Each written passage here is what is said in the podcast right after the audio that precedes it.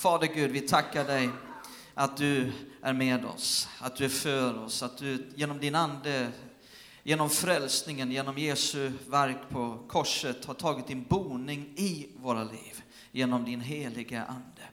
Vi ber att du ska verka i våra liv just nu. Vi vill öppna våra hjärtan, vi vill lyssna på dig, vi vill att det ska vara ett möte med dig. Vi har kommit hit för att, eh, inte av rutin eller ritual eller, eller religiös eh, plikt, utan eh, vi har kommit hit idag Gud för att vi vill möta dig. Vi vill höra från dig. Vi är inte intresserade av någon människa. Vi är inte intresserade av vad någon eh, människa filosoferar eller teoriserar om, utan Gud, vi vill, vi vill möta dig. Vi har ett behov av att få se dig i våra hjärtan, att känna att vi hör dina ord genom din helige Ande. Därför ber vi att du ska tala. Åh, oh, jag ber Gud att du ska möta varje människa som har kommit hit idag, just där de är, att de ska få höra något profetiskt i sina hjärtan, långt utöver vad jag säger.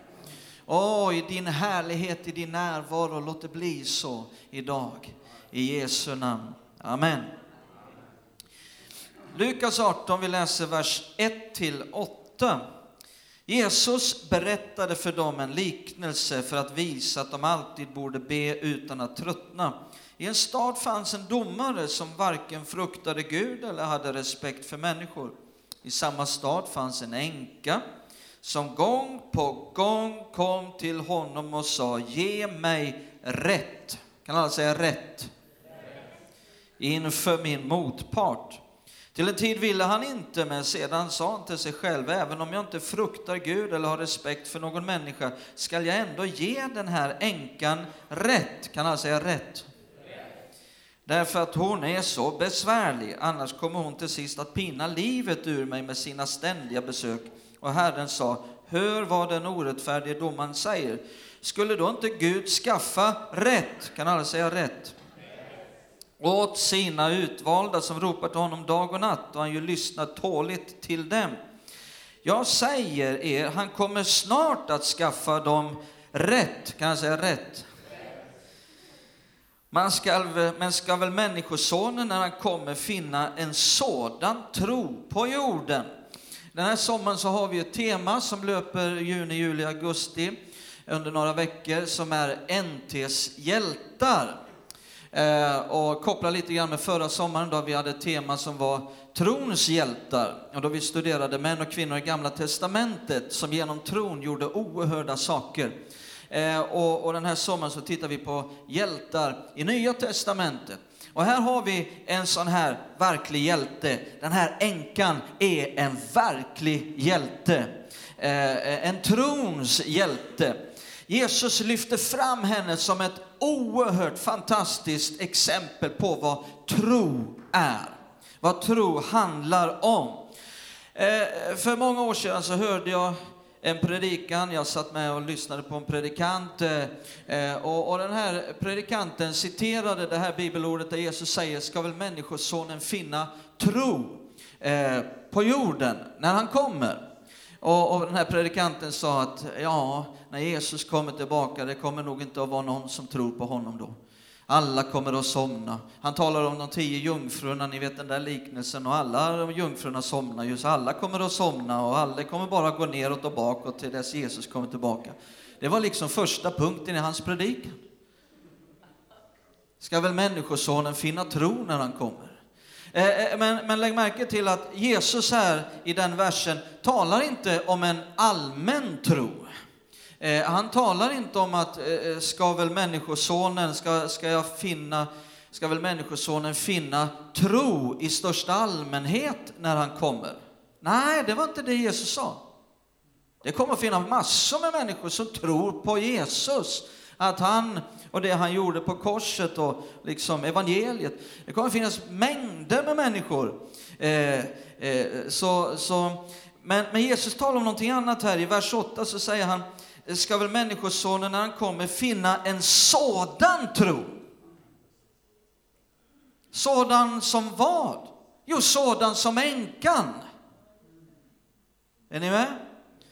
Eh, det är det han ställer sig den frågan. Ska han finna en sådan tro? Tro kommer han att finna, men sådan tro? Och vad är det då som är så speciellt med änkans tro? Vad är det som eh, utmärker hennes tro på ett speciellt sätt?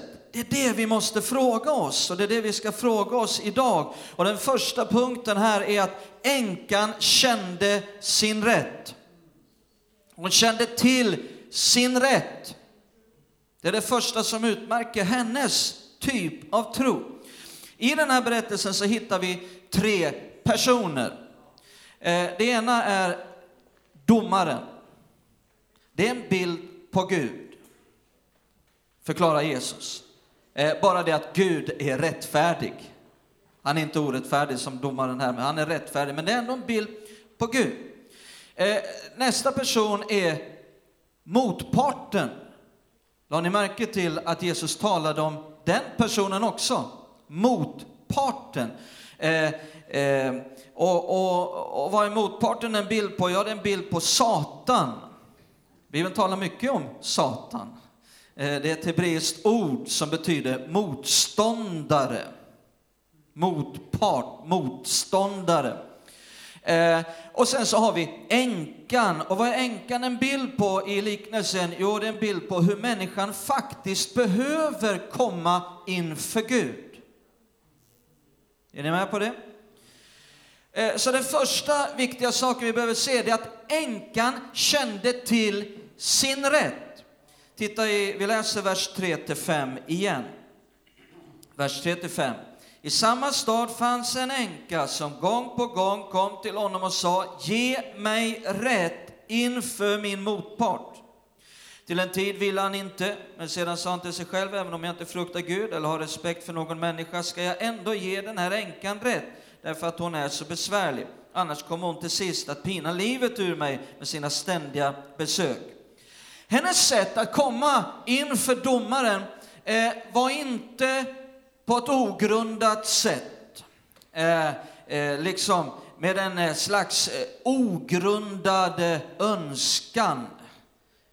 Ungefär som att eh, jag har fått det så hemskt i mitt liv nu och snälla domare, kan inte du hjälpa mig så jag, jag får det lite bättre?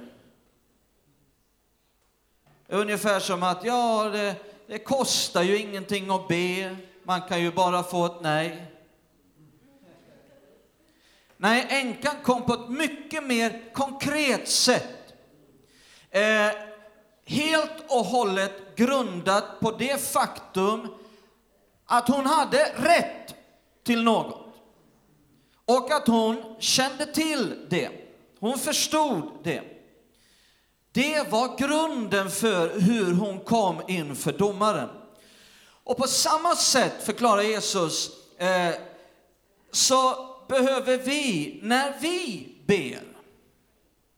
Och nu talar vi framför allt om när du har ett behov i ditt eget liv och, och, och, du vill be till Gud att det behovet ska mötas i ditt liv. Vi talar inte i första hand om förbön där du ber för andra. Där finns det andra principer som, som gäller. Eh, utan nu talar vi framför allt när du har ett behov i ditt eget liv och, och du vill be till Gud.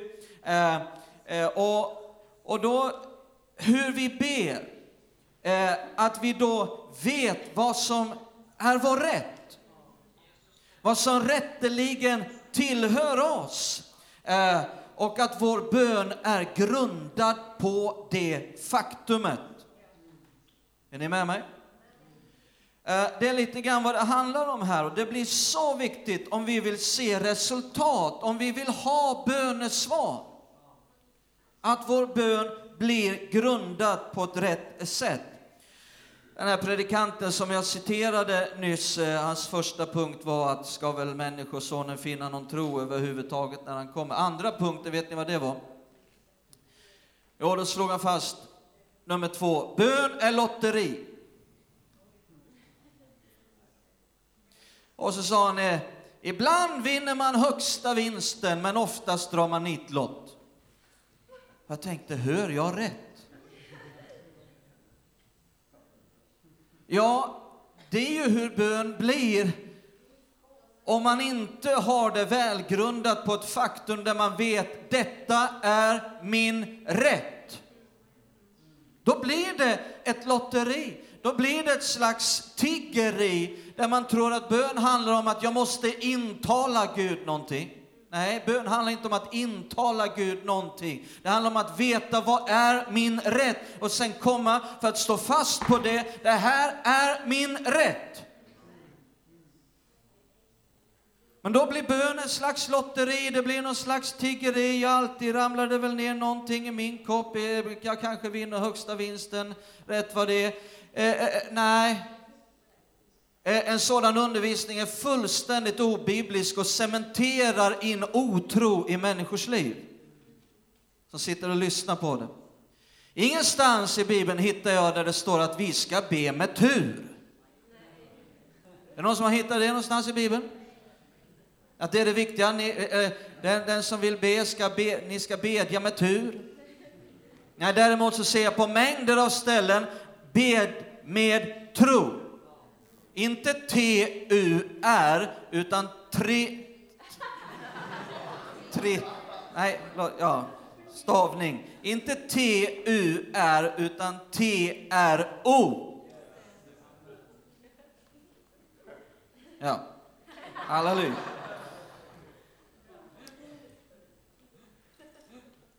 Har vi någon rätt då? Jag tittar vad Jesus säger här nu i Lukas här kommer min andra punkt nu i Lukas 18. Så läser vi vers 6 till 8. Vers 6 till 8. Herren sa, hör vad den orättfärdige domaren säger. Skulle då inte Gud skaffa rätt åt sina utvalda? Halleluja. Gud har skaffat rätt, säger Jesus. Som ropar till honom dag och natt, då han ju lyssnar tåligt till dem. Och titta nu vers 8. Jag säger er, han kommer snart att skaffa dem rätt. Snart, säger Jesus. Inte nu, men strax. Snart. Och när skaffade Gud rätt? När Jesus led och dog på korset. När han uppstod på tredje dagen när han satte sig som vår representant i den himmelska världen på Guds högra sida för att mana gott för oss. Halleluja. Genom försoningsverket skaffade Gud rätt till de utvalda, till sitt folk. Halleluja. Titta här vad det står i Galaterbrevet kapitel 4, vers 4 till 5. Galaterbrevet 4, vers 4 till 5. Åh, det här är underbart. Men när tiden var fullbordad sände Gud sin son, född av kvinna och ställd under lagen, för att han skulle friköpa de som stod under lagen, så att vi skulle få, vad då? Kan jag säga rätt? Söners rätt, barns rätt. Halleluja, vad underbart! Du har fått en rätt när du har tagit emot vad Jesus har gjort. När han friköpte oss genom sitt blod på Golgata kors eh, så har han gett oss söners rätt. Eh, det, det, är ungefär som här i, i måndags. Plötsligt så hör vår äldsta dotter av sig, Lida, 22 år, hon bor i Märsta, och säger jag, jag, jag dyker upp senare ikväll. Ja, då har de bestämt sig för att ta sin Nissan Micra och köra från Märsta till, till eh, Skövde. Jag far runt så mycket i sommar så jag vet knappt var jag är. Men, eh, ja, och, och, och, ja, jag svarar direkt, ja, jag har en stek som väntar på dig. Då, liksom. Och du vet, hon har rätten att bara säga, jag kommer. Det enda hon behöver veta är att vi är hemma, inte om det går bra. Går det bra att jag kommer? Hon behöver aldrig fråga om det går bra. Hon bara, jag kommer. Hon visste vi var hemma, jag kommer. Men det kan inte du göra. Du kan ju liksom inte bara ringa och säga, nu kommer jag. Varför det? Därför att du har inte barnets rätt i huset. Sen när hon kommer, hon behöver inte ringa på, stå där och vänta, hon bara kliver in, tjena här är jag. Jag är lite trött nu efter resan. Jag går in och lägger mig på din säng, farsan. Sen kommer hon upp därifrån, så går hon liksom och säger, jag är lite hungrig, vad har ni i kylskåpet? Men det kan inte du göra. Varför det? Därför att du har inte barnets rätt. Men vi har barnens rätt inför Gud. Han har gett oss rätt. Alltså vår rätt inte någonting som vi har skaffat oss själva. Det ligger inte någon egen prestation bakom vår rätt. Det beror på vad Jesus har gjort för oss. Halleluja. Vi har ingenting att berömma oss av, men vi har ändå rätt till någonting. Och det har vi fått av nåd. Och det ska vi se, det ska vi förstå, det ska vi bli tacksamma för och det ska vi ställa våra fötter på. Det är då det börjar hända saker. Eh, och allt för många har inte fått ljus över vilka rättigheter vi har fått. Man kanske har förstått att man har fått syndernas förlåtelse, att man har blivit frälst, att man är på väg till himlen. Men det finns så mycket mer i försoningsverket som Gud har gett till de utvalda. Som tillhör dig, även om du inte vet om det. Även om ingen annan vet om det, så tillhör det dig i alla fall. Det är din rätt. Även om du inte upplever det, även om du upplevt raka motsatsen, även om ingen annan upplever det, så tillhör det dig i alla fall. Det är din rätt. Helande och hälsa för våra kroppar tillhör dig, därför att Jesus på korset tog alla våra sjukdomar. Ekonomisk försörjning på livets alla områden tillhör dig, därför att Bibeln slår fast att på korset blev han gjord fattig för vår skull. Bibeln gör klart att frihet och befrielse från allt som binder tillhör dig, därför att Jesus tog vår bundenhet på korset. Bibeln gör klart att, att Gud vill beskydda dig på alla områden. Beskydd mot faror och olyckor fullständigt tillhör dig. Långt liv tillhör dig. Rättfärdighet tillhör dig. En övernaturlig glädje och frid tillhör dig. Auktoritet i namnet Jesus tillhör dig. Halleluja. Det är ditt. Det är givet genom försoningsverket. Eh, och därför så ser vi till exempel Paulus som talar om syndernas rätt här. Hur han så ofta i sina brev ber för de kristna att de ska begripa just detta. Gång på gång ser vi honom be över just den här saken, att de som redan har blivit frälsta, eh, de troende, att de ska förstå detta. Titta här i Filemon, vers 6. Paulus brev till Filemon kommer precis innan Hebreerbrevet. Ett kapitel bara. Det står så här, titta nu vers 6, Filemon vers 6. Min bön, säger Paulus, är att din gemenskap med oss i tron ska visa sig verksam och ge klar insikt om allt gott som vi äger tillsammans i Kristus. Paulus ber för Filemon att han ska få full och klar insikt om allt gott.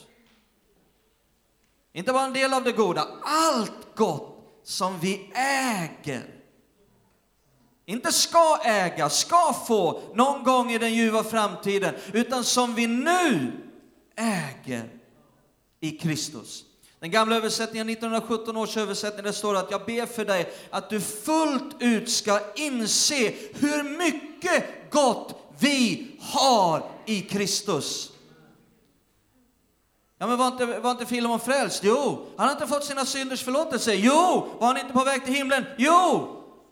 Men ändå ber Paulus för Filemon, jag ber att du fullt ut ska inse hur mycket gott vi har, inte skall få, redan har i Kristus. Det blir så viktigt att inse det, därför att det förvandlar ditt sätt att be. Istället för att försöka intala Gud och vara någon, eh, tigga. In, det, det, handlar inte om det. Utan det handlar om någonting Titta här i Fesebrevet kapitel 1. Ser vi Paulus i bön igen, Fesebrevet 1. Då står det i, i, i vers 3, vers 3. Välsignad är vår Herre Jesu Kristi Gud och Fader som i Kristus har välsignat oss. Inte ska välsigna någon gång i den ljuva framtiden när vi alla mötas där på andra sidan strand. Nej, har välsignat oss med all den himmelska världens andliga välsignelse. Där möts alla dina behov i livet. Ifrån de andliga välsignelserna i den himmelska världen, det är därifrån det utgår. Det har redan hänt. Så nu när Paulus ska be för dem sen i vers 17 till 19, vi ska läsa det här. Lägg märke till att han ber inte, ja, Gud välsigna dem i Efesus. Nej, han har ju redan talat om att ni är välsignade. Så vad han nu ska be, det är att de ska begripa att de är välsignade.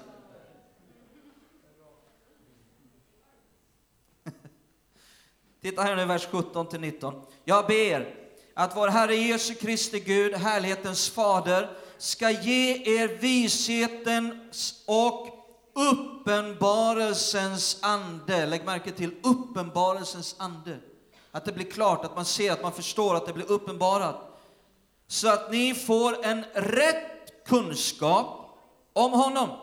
Jag ber, så kommer tre saker som Paulus ber. Jag ber att era hjärtan ska upplysas så att ni förstår vilket hopp han har kallat er till. Det handlar om framtiden. Och hur rikt på härlighet hans arv är nu, just nu, bland de heliga. Och hur oerhört stor hans makt är just nu i oss som tror, därför att hans väldiga kraft är verksam. Så med det där, ja, jag ska inte fastna i, för det finns så mycket i de där verserna. Jag bara blev så frestad och, åh! Men kort och gott, Paulus säger, ni är välsignade, och sen ber han att de ska begripa det. Eh, och då kommer saker att, att börja ske. Många kan, eh, det finns en del som kan tänka att, att bara för att vi talar om våra rättigheter, att man skulle vara arrogant emot Gud. Men det är precis tvärtom. Han har inget som det är, det är raka motsatsen.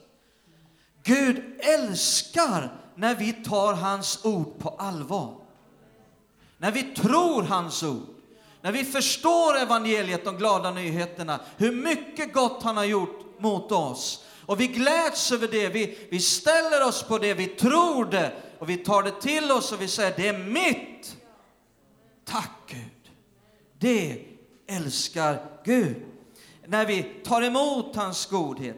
För det är ju inte emot Gud som vi begär vår rätt. Det är ju inför motparten. Kommer ni ihåg motparten i berättelsen? Det var ju motparten som änkan krävde sin rätt ifrån. Så det handlar inte om att vi går upp med liksom knytnäven i Guds ansikte. Nej, det finns en motpart, det finns en kamp, det finns någon som vill stjäla, det finns någon som vill slakta, det finns någon som vill ta saker från våra liv. Och där behöver vi veta vår rätt inför den högste, som redan har skaffat oss rätt. Eh, I väckelsehistorien så finns det en fantastisk gudsman Eh, han hade så mycket kraft i sitt liv så det spårade, ut lite, spårade ur lite grann när han blev lite äldre. Han, han, blev, eh, han fick för sig till sist att han var Elias. Så att, men, men det började väldigt bra i hans liv.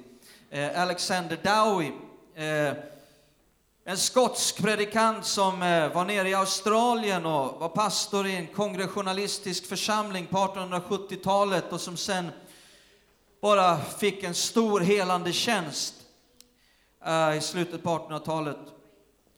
Eh, men när det här var, när han var pastor där, så hade området och regionen drabbats av en mycket svår pest.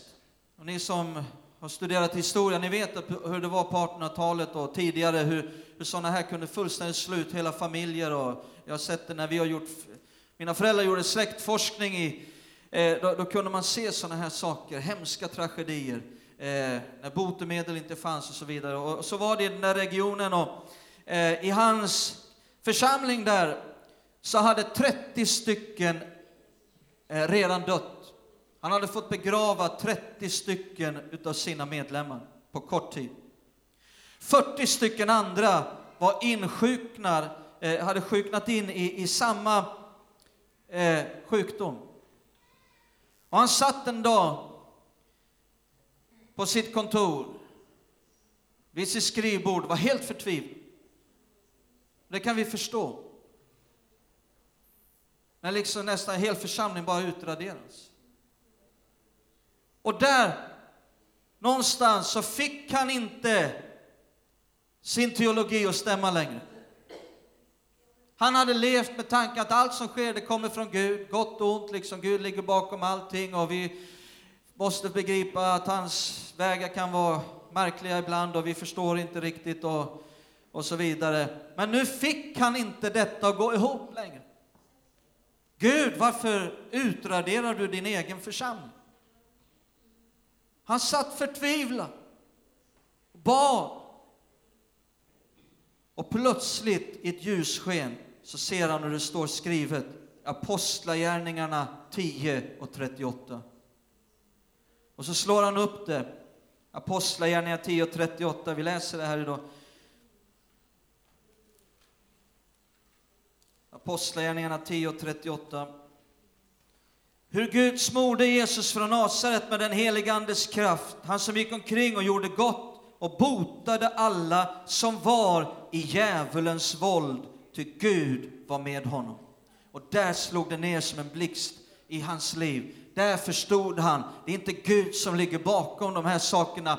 Han reste sig upp och han visste att, att den närmaste sjuka människan i hans församling var en liten flicka, bara några hundra meter ner längs gatan. Han reser sig upp, ut ur kyrkan, springer ner, kommer in i huset. Där är en läkare som möter honom och säger Ja, är inte Guds vägar outgrundliga? Hur vågar du kalla det här för Guds vägar? sa han. Var är flickan? Så gick han in och så bad de för flickan och de kände hur febern, eh, den här pestfebern, bara försvann fullständigt från hennes kropp och hon somnade in. Och när hon vaknade upp så sa hon, jag är så hungrig. Kan jag få något att äta? Och så var hon fullt frisk. Och från den dagen var det ingen mer i hans församling som dog. Alla tillfrisknade. Han bara fortsatte. Och sen exploderade en helande tjänst i hans liv. När han förstod de här sakerna. Det tredje och sista om änkan det är att hon begärde sin rätt. Änkan begärde sin rätt. Hon inte bara förstod sin rätt, det är en sak. Men det, det viktiga blir också att hon begärde sin rätt. Ja men Sven, det måste väl vara fel att, att begära? Ja, vänta lite, vad sa Jesus? Titta i Markus 11.24.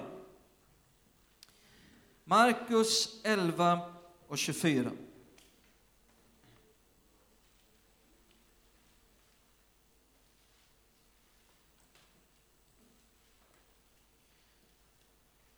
Det står i Markus 11, 24. Jesus säger, därför säger allt vad ni ber om och vad då? Begär. Tro att ni har fått det, så skall det vara ert. Jesus säger just då när du tror och be, eller ber och begär, där ta emot. Att du har fått det. tro, var viss om att du har fått det. Om jag har fått någonting, då är det ju mitt. Då har jag det nu. Även om jag inte ser det, även om jag inte känner det, så vet jag nu när jag bad. Så har jag fått det, inte skall få, utan har fått. Ser ni att Jesus säger det? Det är mitt nu, jag har det nu. Om jag har fått någonting, hur många gånger till behöver jag då be? Ingen mer gång. För jag har fått. Eller hur? Du ber ju inte en gång till om någonting du redan har fått. Jag vet när Vicky fick en jättefin julklapp här i julas, liksom. hon jublade och var glad, åh, nästan grät. Jag, får, jag fick den! Ja, då bad hon ju inte sen på annan dag, nej, jag skulle vilja få en sån där. Nej. Jag har fått det. Och, och, här illustrerade Jesus också i det här kapitlet, det är här han förbannar fikonträdet om du vill läsa det. Men det faller inte ett, ett enda löv ifrån trädet när Jesus förbannade fikonträdet. Talade han en gång till? Nej, han bara gick vidare. Lärjungarna, de vände sig om, men, men varför händer det ingenting? Så står det nästa dag när de kom dit, så såg de att det hade torkat. Jesus stod inte där och försökte en gång till och försökte en gång till och försökte. Nej, det var klart. Han, en gång, så var det klart. Och utifrån den berättelsen och det som skedde där så undervisar han om bön. Att när ni ber för era egna liv, när ni har behov i era liv, allt vad ni ber om och begär, tro att ni har fått det. Smith Wigglesworth, pingspionjärernas, en av pingstpionjärernas pingspionjär som gick hem till Herren 1948 vid hög ålder, uppväckte mellan 20 och 30 döda, hade väckelse på jordens alla kontinenter tror jag, utom Nordpolen och Sydpolen. Men eh, han sa så här, om du har bett till Gud om samma sak sju gånger, då har du bett minst sex gånger i otro. Om du har något problem med det, diskutera inte med mig, för det var inte jag som sa det, det var Smith Wigglesworth som sa det. Får vänta till du kommer till himlen. Men han såg resultat i sitt liv. Han förstod någonting.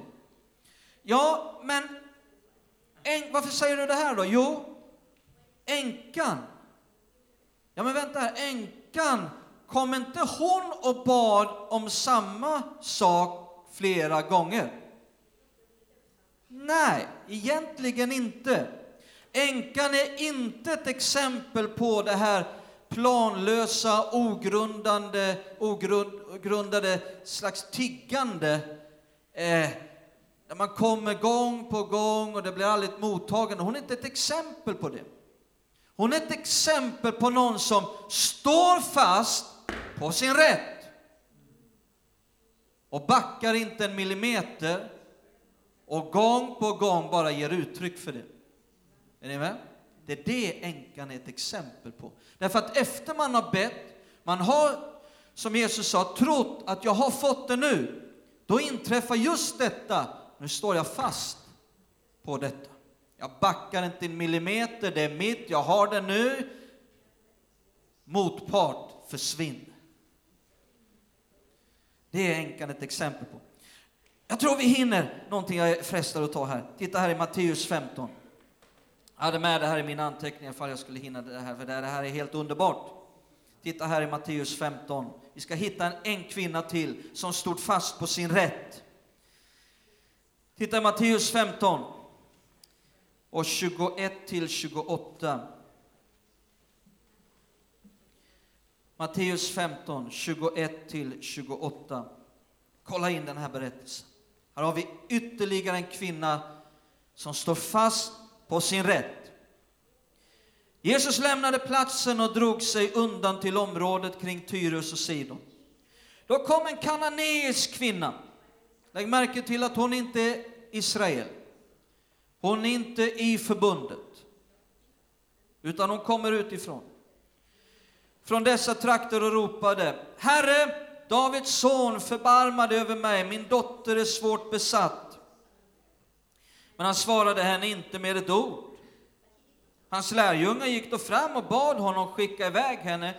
Hon följer ju efter oss och ropar. Lägg märke till att Jesus ignorerar den här kvinnan. Svarar henne inte med ett ord. Vi läser vidare. Han svarade, jag är sänd endast till de förlorade fåren av Israels hus. Med andra ord, det är de som har förbundsrättigheterna, förbundslöftena. Det är de som kan göra anspråk på det som ges i förbundet. Hon är inte i förbundet. Men efter Jesu död så kan alla få komma in i förbundet som vill, det nya förbundet. Det är underbart, eller hur? Men det var lite mer begränsat under Gamla testamentets tid. Men hon kom och föll ner för honom och sa, Herre hjälp mig. Han svarade, det är inte rätt. Kan han säga rätt? Så mycket utav vad som sker i den andliga dimensionen är så mycket grundat på lag och rätt. Det är inte rätt att ta brödet från barnen och kasta det åt hundarna. Inte nog med att Jesus ignorerar den här kvinnan, nu kallar han henne för hund. En brysk predikant det här Jesus. Tänk dig själv om du blev först ignorerad, när du sen får uppmärksamheten så blir du kallad för hund. Det är inte rätt att ta brödet, brödet från barnen. Vilka barn då? Förbundsbarnen, förbundsfolket, Guds barn och kastade åt hundarna. Här kallar Jesus helande och befrielse för bröd, för barnens bröd. Vet du om att bröd inte är dessert? Bröd är någonting, en basvara för livet. Det är inget extra. Det är så Gud ser på helande. Något som självklart ska tillhöra hans barn. Är inte det underbart? Halleluja. Lika lite som jag nekar mina barn där hemma bröd. Utan frågan är bara hur mycket. När jag, eh, när jag väcker Kid på morgonen, ska du ha en eller två skivor? Jag står ju inte där. Låt bli skåpen! Nej, det, det, min, min, limpa är din limpa. Liksom det är ju det är så det är med mina barn. Liksom. Det är inte rätt att ta brödet från barnen och kasta åt hundarna. Titta nu vad hon gör. Hon sa, jo, Herre, också hundarna äter smulorna som faller från deras herrars bord. Då svarade Jesus henne, kvinna, din tro är stor. Det ska bli som du vill. Och från det ögonblicket var hennes dotter botad. När hon inte kunde stå fast på rätten som barn så stod hon fast på sin rätt som hund. Du sa det själv, Jesus, att jag är en hund. Vilken ödmjukhet. Hon sa, ah, vad är det för en predikant? Nej, jag går härifrån bli behandlad på det här sättet. Men hon sa, skyll dig själv Jesus. Det var du som sa det. Du sa att jag var en hund. Och hunden har rätt till en smula. Det är precis som våran Charlie där hemma. Han vet när det blir grillning. Från det jag börjar marinera så lämnar han mig inte. Och sen så är han med när jag grillar. Och han är med när vi äter. Tålmodigt väntar han i tre, fyra timmar. Han kan under bordet börja gny lite grann. Och vi förstår att han menar, kom inte min tur snart. Ska inte jag? När vi, och, och vi, sitter, vi har ätit, tallrikarna är rena, liksom. Men så finns det en liten köttbit som något av barnen har lämnat kvar. Och den vet Charlie. Den är min. Den har jag rätt till. För jag är hund i huset. Men då tänker jag så här, att om den här kvinnan kunde få uppleva ett helande och en befrielse för att hon stod fast på sin rätt som hund. Hur mycket mer ska vi då inte få uppleva helande och befrielse när vi står fast på vår rätt som Guds barn? Halleluja!